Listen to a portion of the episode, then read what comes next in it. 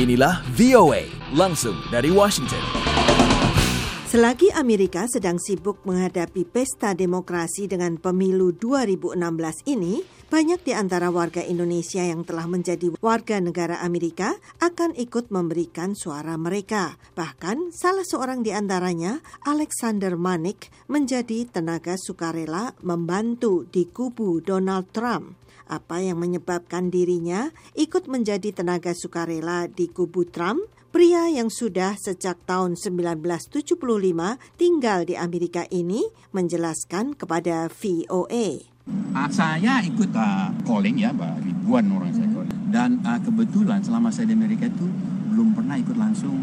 Uh, di sini ada ini kan, primer itu, uh, ada caucus namanya. Nah, caucus itu uh, saya ingin udah baca sih, tapi ingin lihat sendiri gitu. Jadi pertama caucus di Iowa, saya ke sana mewakili uh, Donald Trump sebagai observer. Kita nggak bisa vote kan, cuma ngeliat aja. Uh, itu luar biasa itu sampai orang yang mengatur itu juga kaget karena overflow itu building kebanyakan orang nggak pernah. Gitu.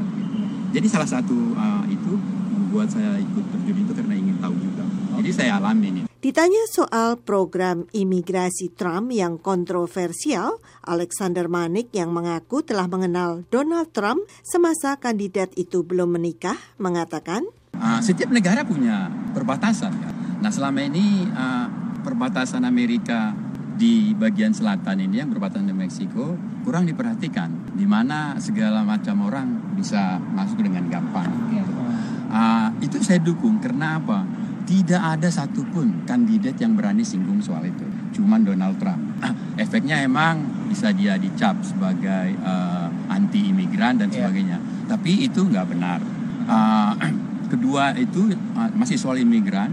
Dia memang mungkin cara bicaranya kurang uh, kena di hati orang bahwa dia bilang mau membatasi imigrasi atau melarang imigrasi dari Timur Tengah sana. Tapi kalau dilihat Jimmy Carter itu melarang Islam Iran masuk ke Amerika, tapi nggak pernah dibesar-besarkan. Inilah Voice of America.